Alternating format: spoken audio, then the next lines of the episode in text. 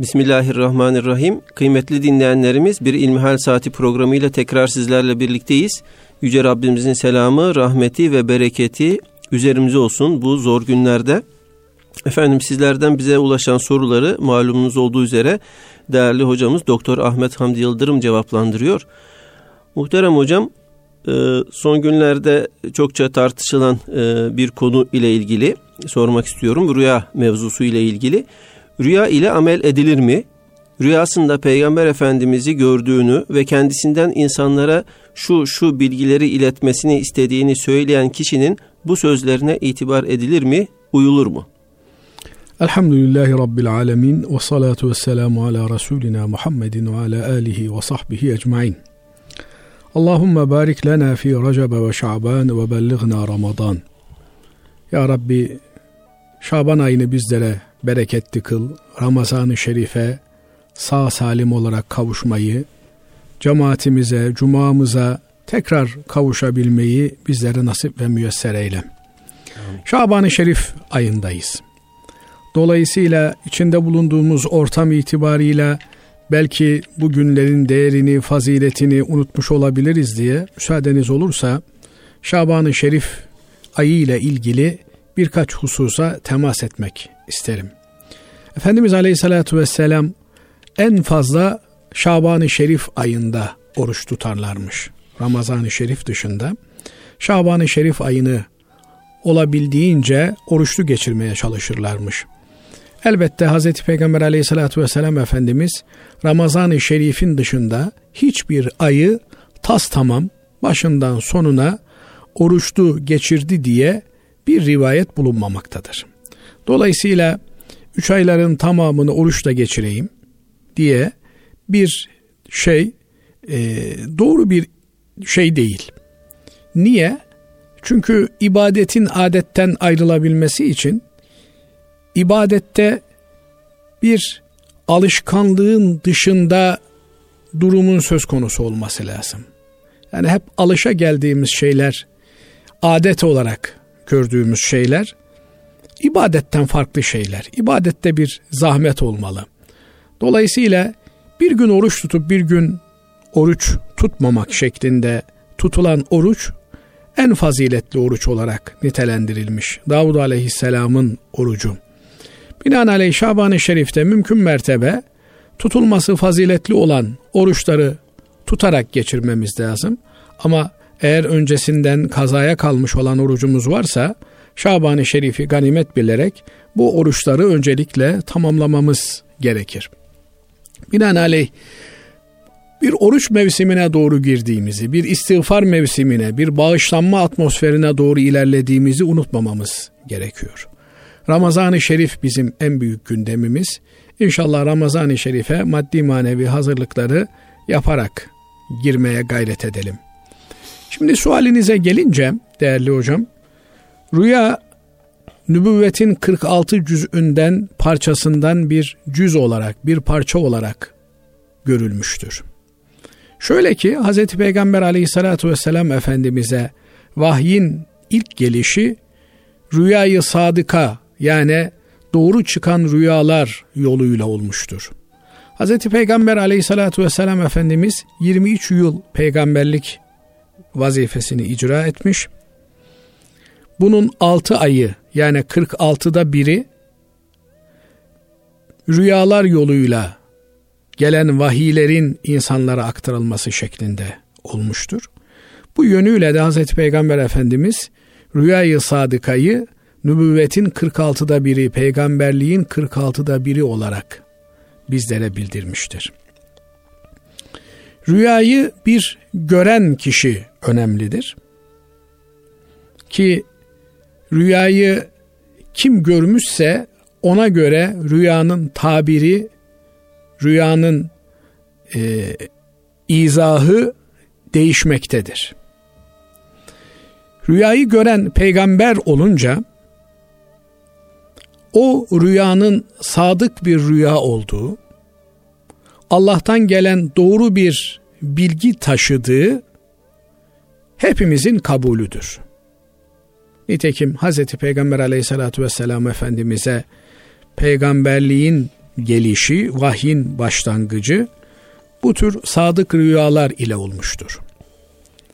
Yine biliyoruz ki Kur'an-ı Kerim'in haber vermesiyle İbrahim Aleyhisselam rüyasında birkaç defa oğlu İsmail'i kurban ettiğini, Allah'a adadığını görüyor. Sonra İsmail ile bu olayı paylaşıyor. Oğlum ben rüyamda seni Allah'a kurban olarak adadığımı gördüm. Sen bu hususta ne dersin diye danışıyor. Küçük bir çocuk. Fakat İbrahim aleyhisselam gibi büyük bir peygamberin terbiyesinden geçmiş.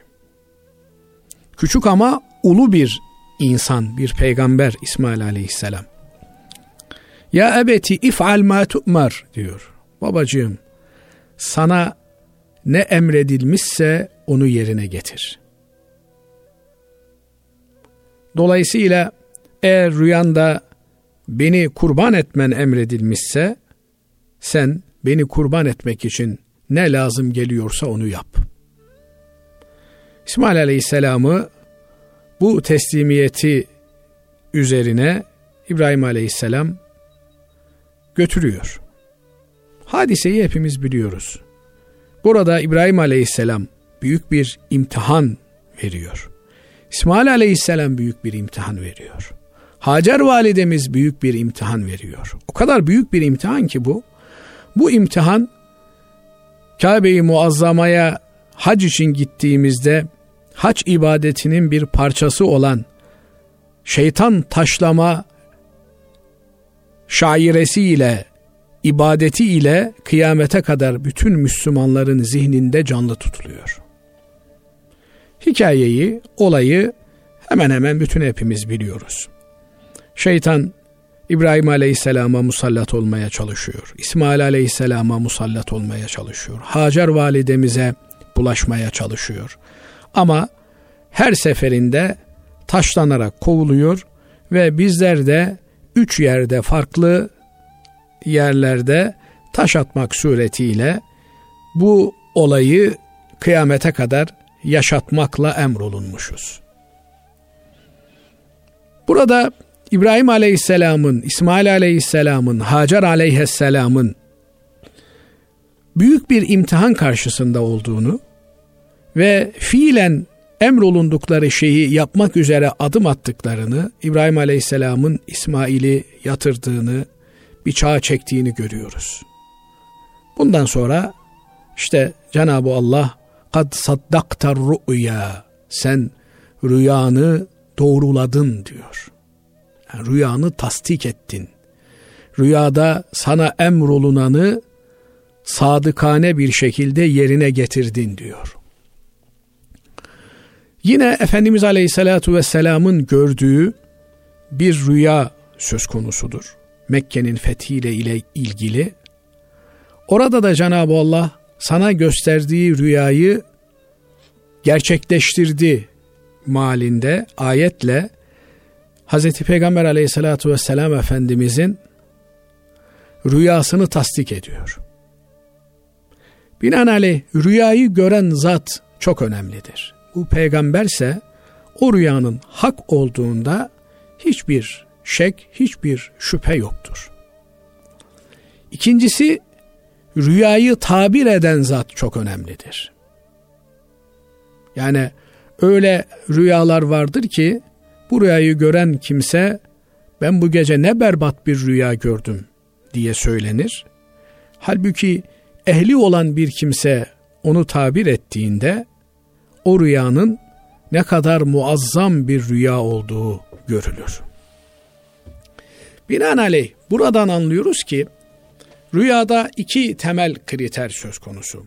Bunlardan bir tanesi rüyayı gören, ikincisi de rüyayı tabir eden kişi. Artık peygamber olmadığına göre ki elhamdülillah Efendimiz Aleyhisselatü Vesselam'ın ümmetiyiz, son peygamberin ümmetiyiz. Bundan önceki ümmetlerde yani bizden önceki ümmetlerde şöyle bir problem vardı Basri Hocam. Acaba bu gördüğümüz peygamber mi? Acaba rüyasını anlatan kişi Allah'ın gönderdiği bir elçi mi, bir peygamber mi diye insanların e, kendilerine yaklaşan kimselere karşı bir tedirginliği olabilirdi. Çünkü henüz son peygamber aleyhissalatu vesselam Efendimiz dünyayı teşrif etmemişti. Ama biz bu yönüyle çok şanslı bir ümmetiz. Ahir zaman ümmetiyiz. Yani bize biri gelip de ben peygamberim dese hadi oradan git şuradan diye onu tersleme imkanına sahibiz. Niye? Artık peygamber yok. Son peygamber geldi, vazifesini yaptı ve kıyamete kadar onun getirdiği din taptaze, cap canlı olarak kalmak üzere tebliğ edildi. Bu büyük bir nimet. Artık peygamber olmadığına göre böyle kesin tasdik edilmesi, doğrulanması gereken bir rüya da yoktur. Bugün görülen rüyalar kim tarafından görülürse görülsün, en takvalı, en kalbi sağlam bir kişi tarafından görülse bile şüphe barındırır. Nasıl şüphe barındırır? Acaba şeytan karışmış olabilir mi bu rüyaya? Acaba e, zihin dünyasında, şuur altında kalan bir takım etkiler neticesinde mi görülmüştür?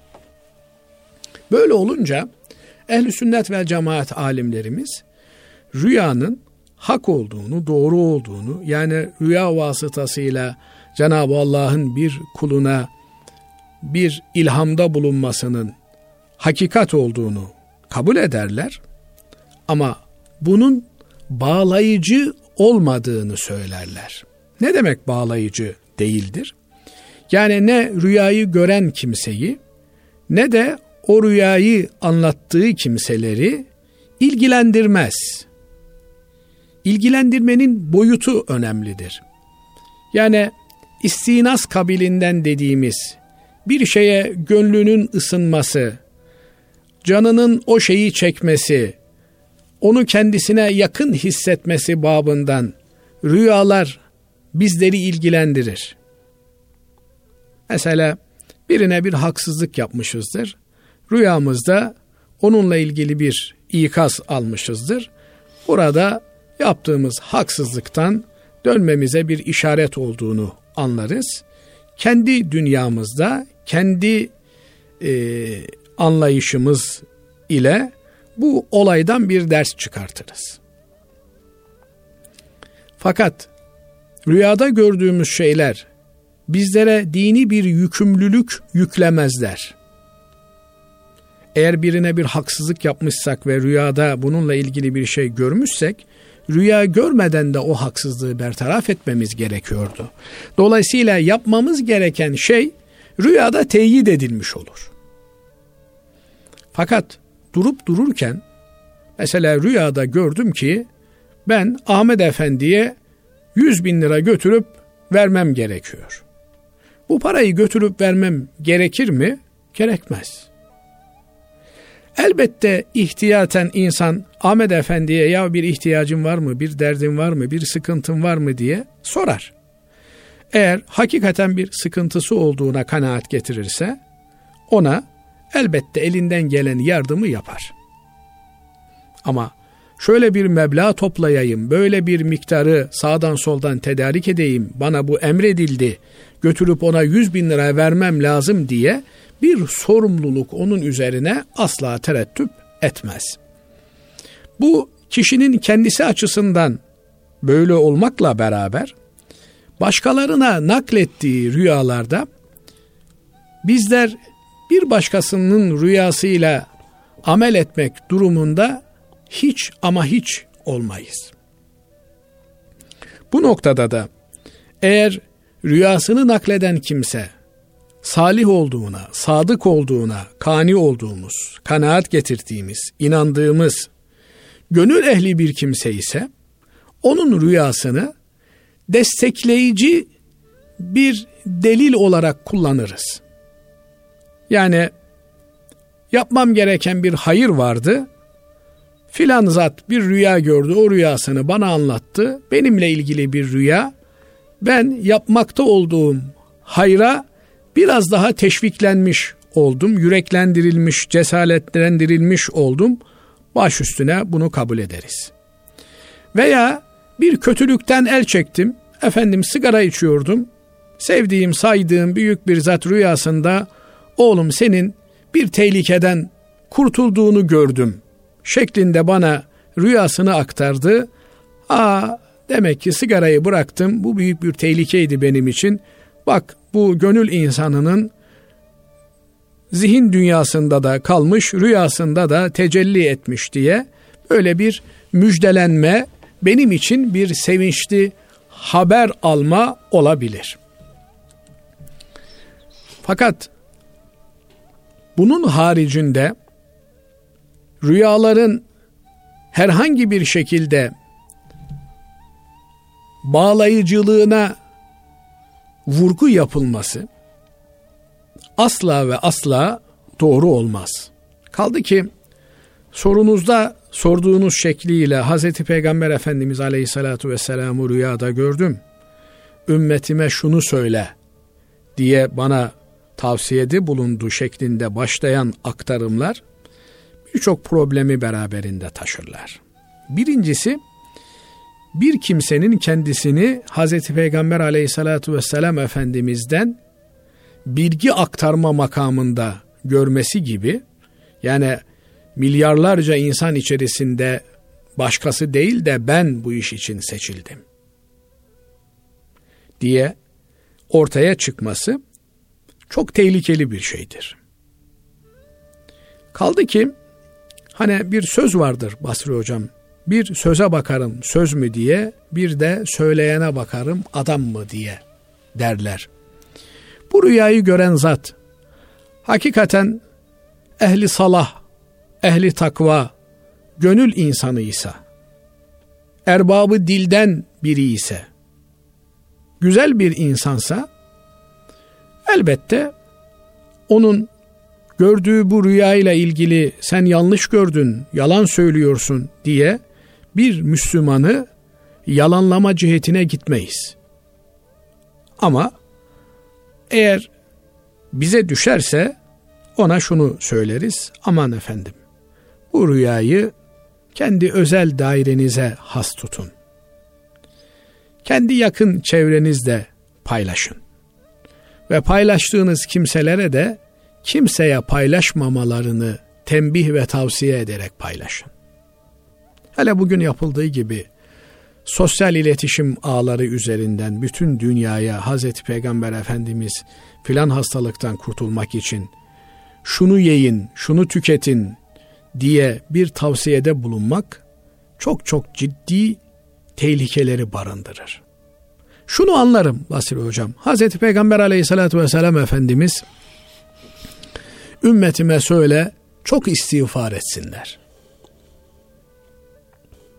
Cenab-ı Allah onların istiğfarıyla bu belayı onlardan kaldırır. Türünden manevi işaretler amenna. Niye? Çünkü peygamberler ümmetlerini ikaz etmek, irşad etmek vazifesiyle vazifelidirler. Peygamberler vefat ettikten sonra ümmeti Muhammed için bu vazifeyi ümmetin alimleri, ümmetin salih kulları yürütür. Yine Hazreti Peygamber aleyhissalatü vesselam Efendimiz ümmetin salih kullarından birine rüyasında teşrif edip efendim o zatın teşrif ettikten sonra kendisine bir takım manevi reçeteler verebilir. Nitekim bu Kur'an'ın bize beyanıdır. Cenab-ı Allah buyuruyor ki ey Habibim sen onların arasında bulunduğun veya onlar istiğfar etmeye, Allah'tan bağışlanmaya devam ettikleri sürece ben onlara azap edici değilim. İçinde bulunduğumuz durum bir virüs sebebiyle bütün dünyanın karantina altına alınması Allah'ın bir azabı. Yani kimse içinde bulunduğumuz bu durumdan memnun değil. Binaenaleyh bunu bir azap olarak görüyoruz. Bu azabın bertaraf edilmesi için reçete de belli istiğfara devam etmek. Nitekim bütün peygamberler aynı şeyi söylemişler. Nuh aleyhisselam ve kul tustagfiru rabbekum yursilis semaa aleykum midrara. Allah'a istiğfar edin. Allah göğün kapılarını size bereket olarak göndersin buyurmaktadır. Yani istiğfar bütün problemlerimizin maddi ve manevi sıkıntılarımızın çözümüdür. Peygamber Efendimiz'i rüyamda gördüm ve istiğfara devam edin. Bana salatu selam okumaya devam edin türünden. Eğer manevi bir reçete ise bunu bir efendim destekleyici delil olarak bir müjde olarak kabul ederiz. Binaenaleyh özetle ifade etmek gerekirsek rüya bizim için bir hakikattir. Cenab-ı Allah kullarına rüyalarında bir takım şeyleri gösterebilir. Birincisi rüyayı gören kişinin kimliği önemlidir. İkincisi rüyayı yorumlayan, tabir eden kişi önemlidir. Belki bir üçüncüsünü de söyleyebiliriz. Rüya kişiye özel tabir edilir. Yani şimdi ortada rüya tabirleri diye birçok şey dolaşmakta. Buralarda efendim rüyada şunu görürsen şuna delalet eder, bunu görürsen buna delalet eder. Evet, rüyalar tabir edilirken mesela en büyük rüya tabircimiz e, ulemadan Muhammed bin Sirin Hazretleridir rahmetullahi aleyh. O rüyalar tabir etmiştir. O rüyalarda bir takım sembolleri şöyle tarif etmiş, böyle yorumlamıştır. Bu tabirler kişiye özel tabirlerdir.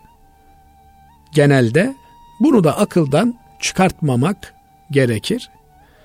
Bundan dolayı güzel bir rüya gördüğünü düşünen bir kimse kendisini iyi tanıyan ve kendisinin iyiliğini istediğinden emin olduğu güzel bir insana rüyasını aktarır ve ondan bu rüyayı yorumlamasını ister.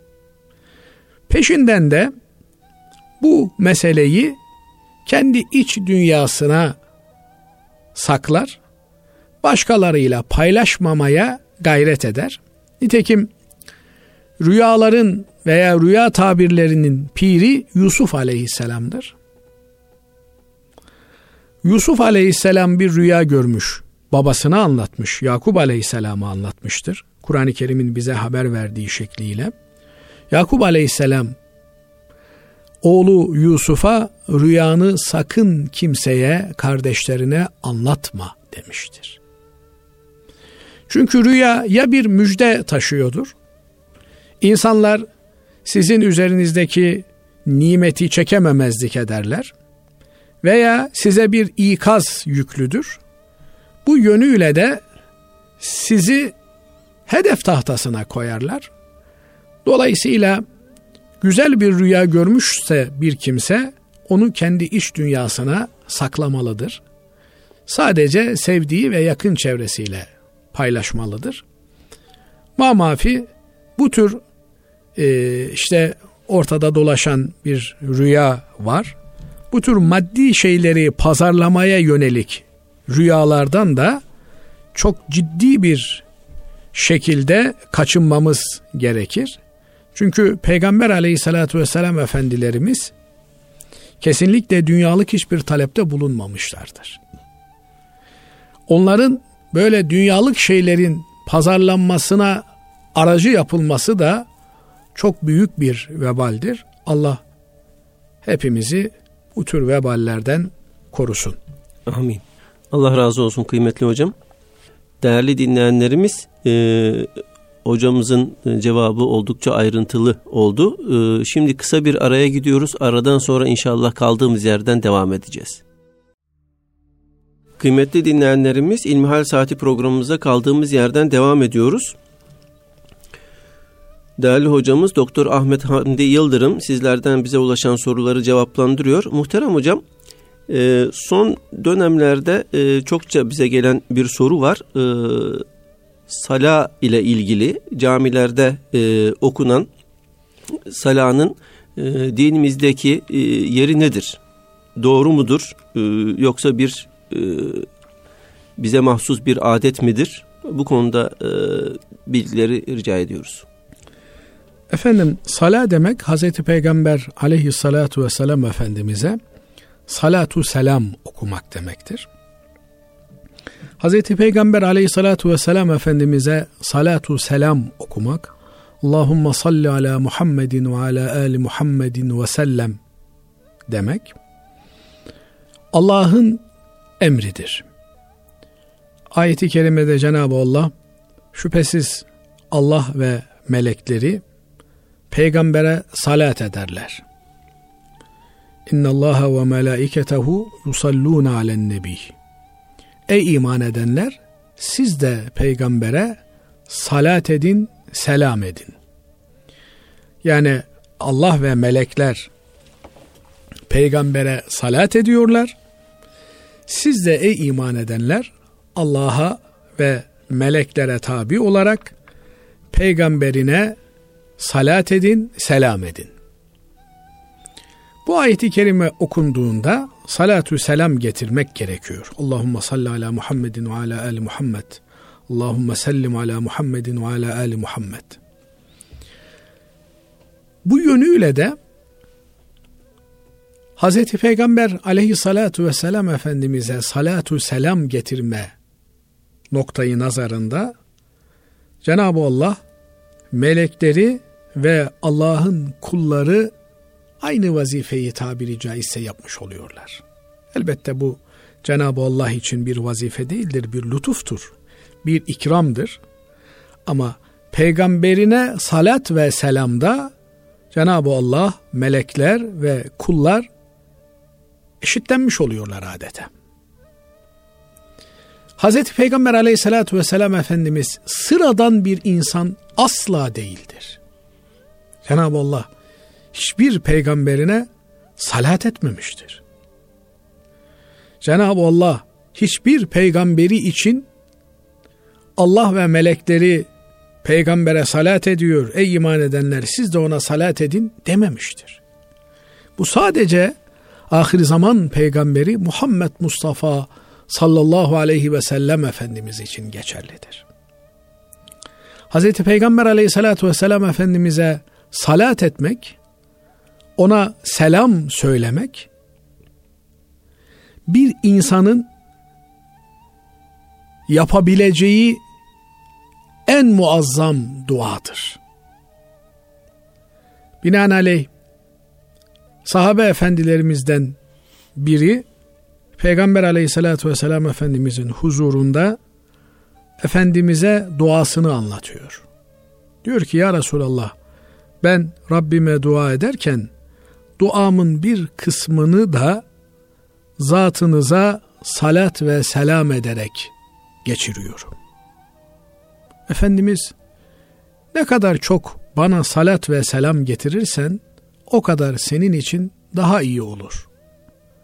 Buyurunca bu sahabe efendimiz o zaman duamın üçte birini salatü selamla geçireyim diyor. Peygamber Efendimiz daha çok daha iyi olur diyor. Yarısını sana salat ve selamla geçireyim ya Resulallah diyor.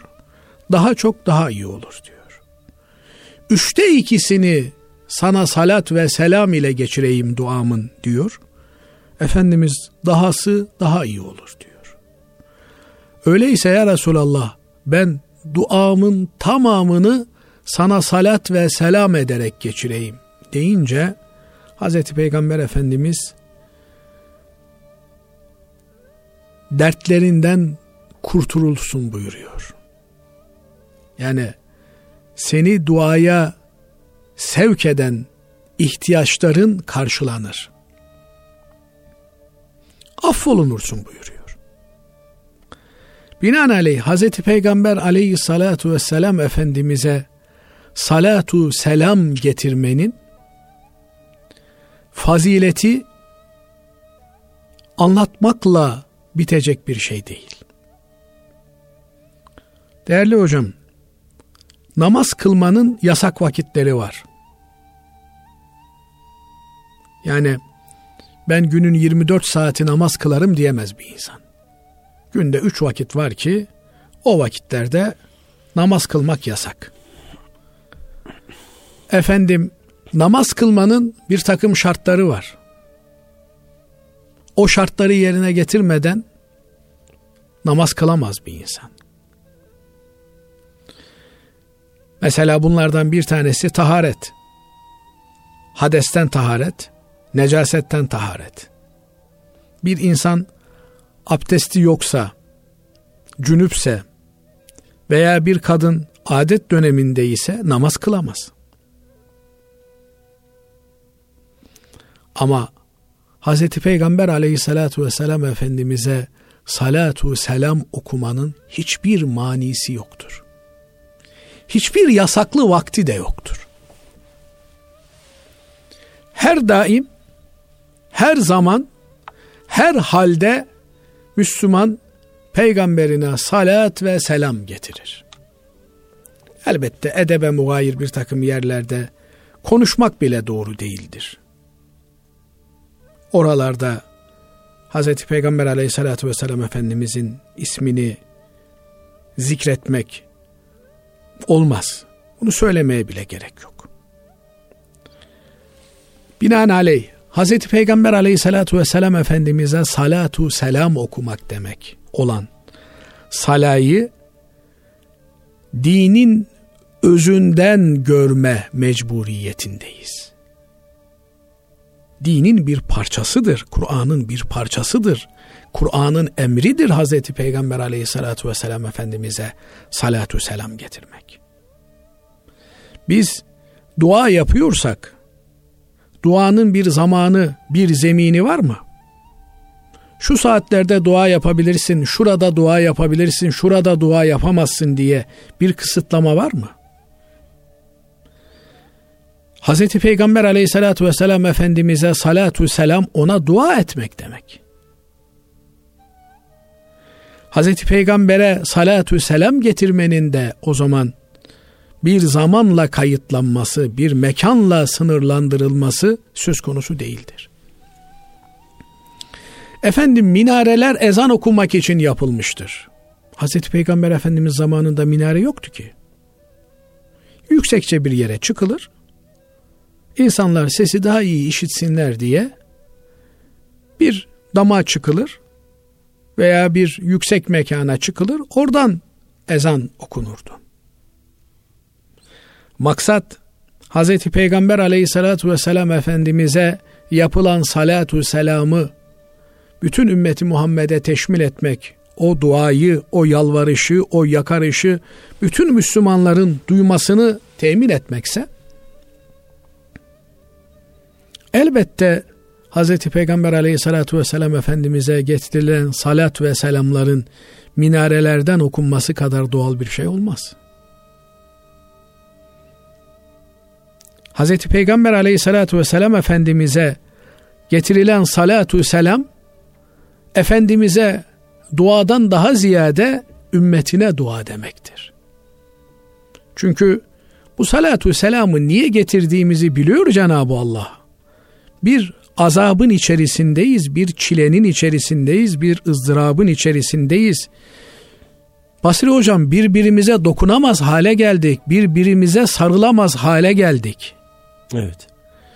Yani bugün haberler geliyor Fransa'dan, İspanya'dan insanlar, ihtiyarlar son nefeslerini verirken çoluk çocuklarıyla vedalaşmak istiyorlar. Doktorlar insafa gelip ailesini arıyorlar. Ailesi telefonlara bakmıyor. Biz gelemeyiz diyor, mikrop kaparız diyor. Yani bu bir kıyamet sahnesini yaşıyoruz. Cenab-ı Allah Kur'an-ı Kerim'de kıyamet yaklaştı diyor. Herkes kendi başının derdine düşecek.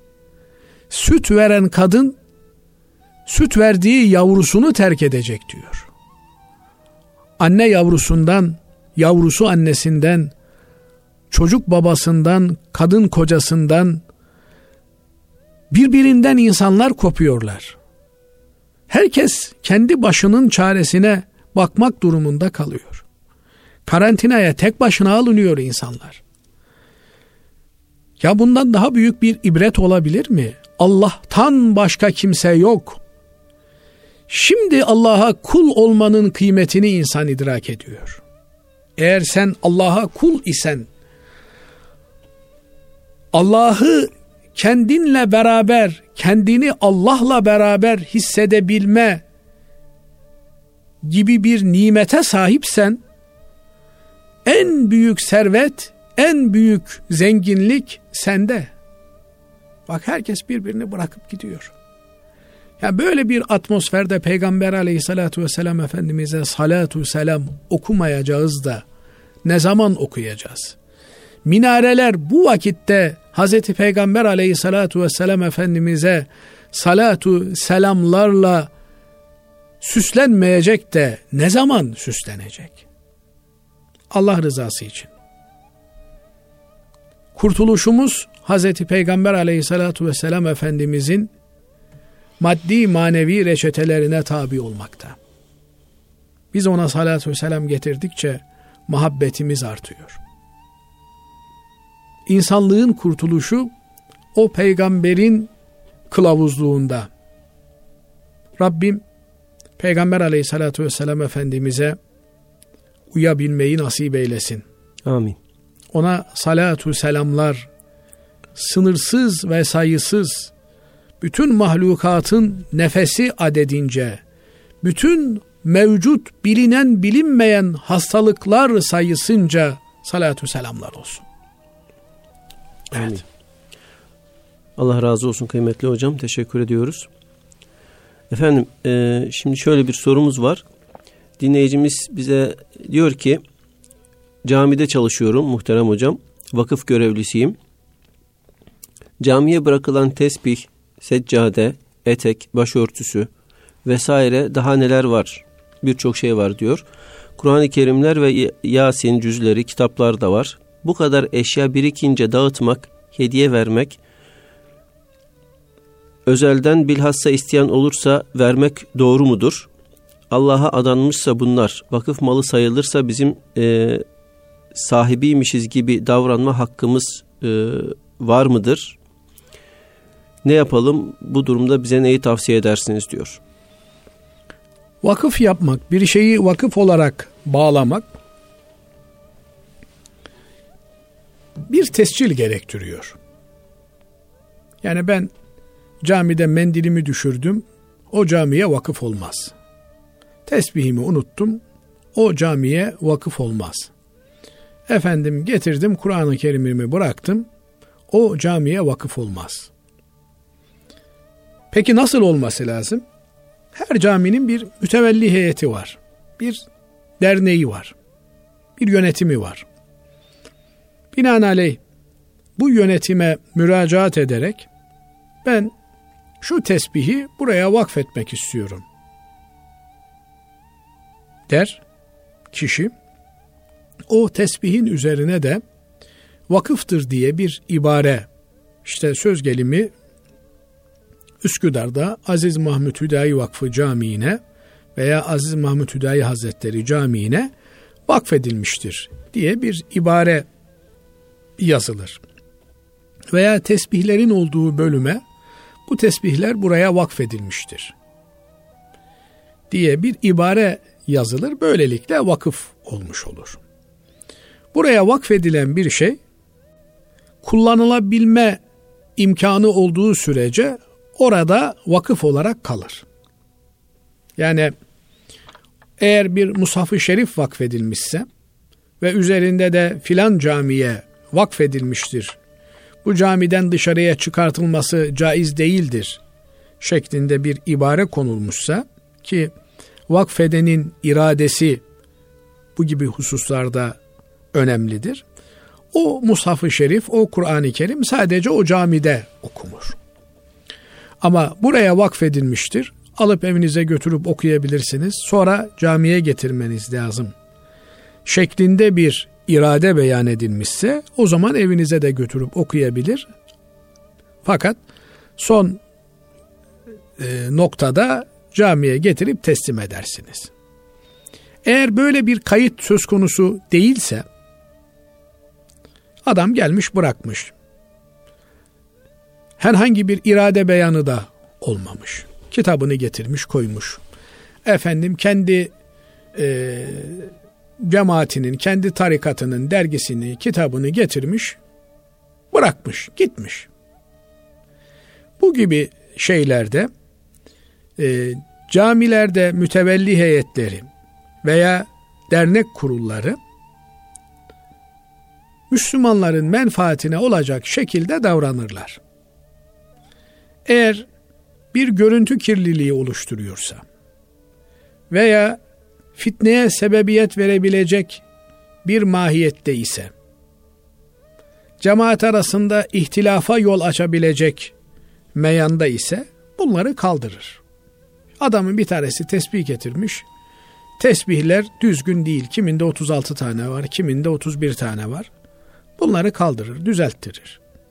Veya isteyenin almasına açık hale getirir. Üzerine de yazar, camimize bırakılmıştır. Dileyenler buradan alabilirler. Eğer üzerine bir kayıt düşülmemiş, usulüne uygun bir şekilde camiye bırakılmamışsa, bununla ilgili tasarruf caminin ve cemaatin menfaatine olacak şekilde dernek kurullarında veya vakıf mütevelli heyetlerinde kararlaştırılır. Evet. Evet. Allah razı olsun. Diğer bir soruya geçmek istiyorum. Selamünaleyküm hocam. Sorum organ satmakla ilgili. Örneğin bir çocuğumuz var ve tedavisi çok pahalı ve yurt dışında tedavi edilmesi gerekiyor. Hangi yollar denendiyse parası bir türlü karşılanmıyor. Çocuk tedavi olmaz ise ölecek. Çocuğun anne veya babası bir organını satarak tedavi parasını temin edebilmekte. Organını sattığı para çocuğun hayatını kurtaracak. Ayrıca organı sattığı kişi de hayatını kurtaracak. Yani bu organa ihtiyaç duyan kişi. Bu durumda organını para ile satması caiz olur mu? Kişi kendi nefsi için ya da borçlarını kapatmak için satmıyor, e, hayat kurtarmak için bunu yapıyor. Bu durumda dinimiz e, bu durumda e, dinimiz buna ne diyor diyor. Organ satışı caiz değil. Hiçbir şekilde organ satmanın ne dinen ne hukuken caiz olduğunu söylemek mümkün değildir. Çünkü insan sahip olduğu, malik olduğu şeyi satabilir. Organlarımız bizim malik olduğumuz şeyler değildir. Bize emanet olarak bırakılmış olan birer emanettir. Gözümü satmak istiyorum, kulağımı satmak istiyorum. Efendim burnumu satmak istiyorum.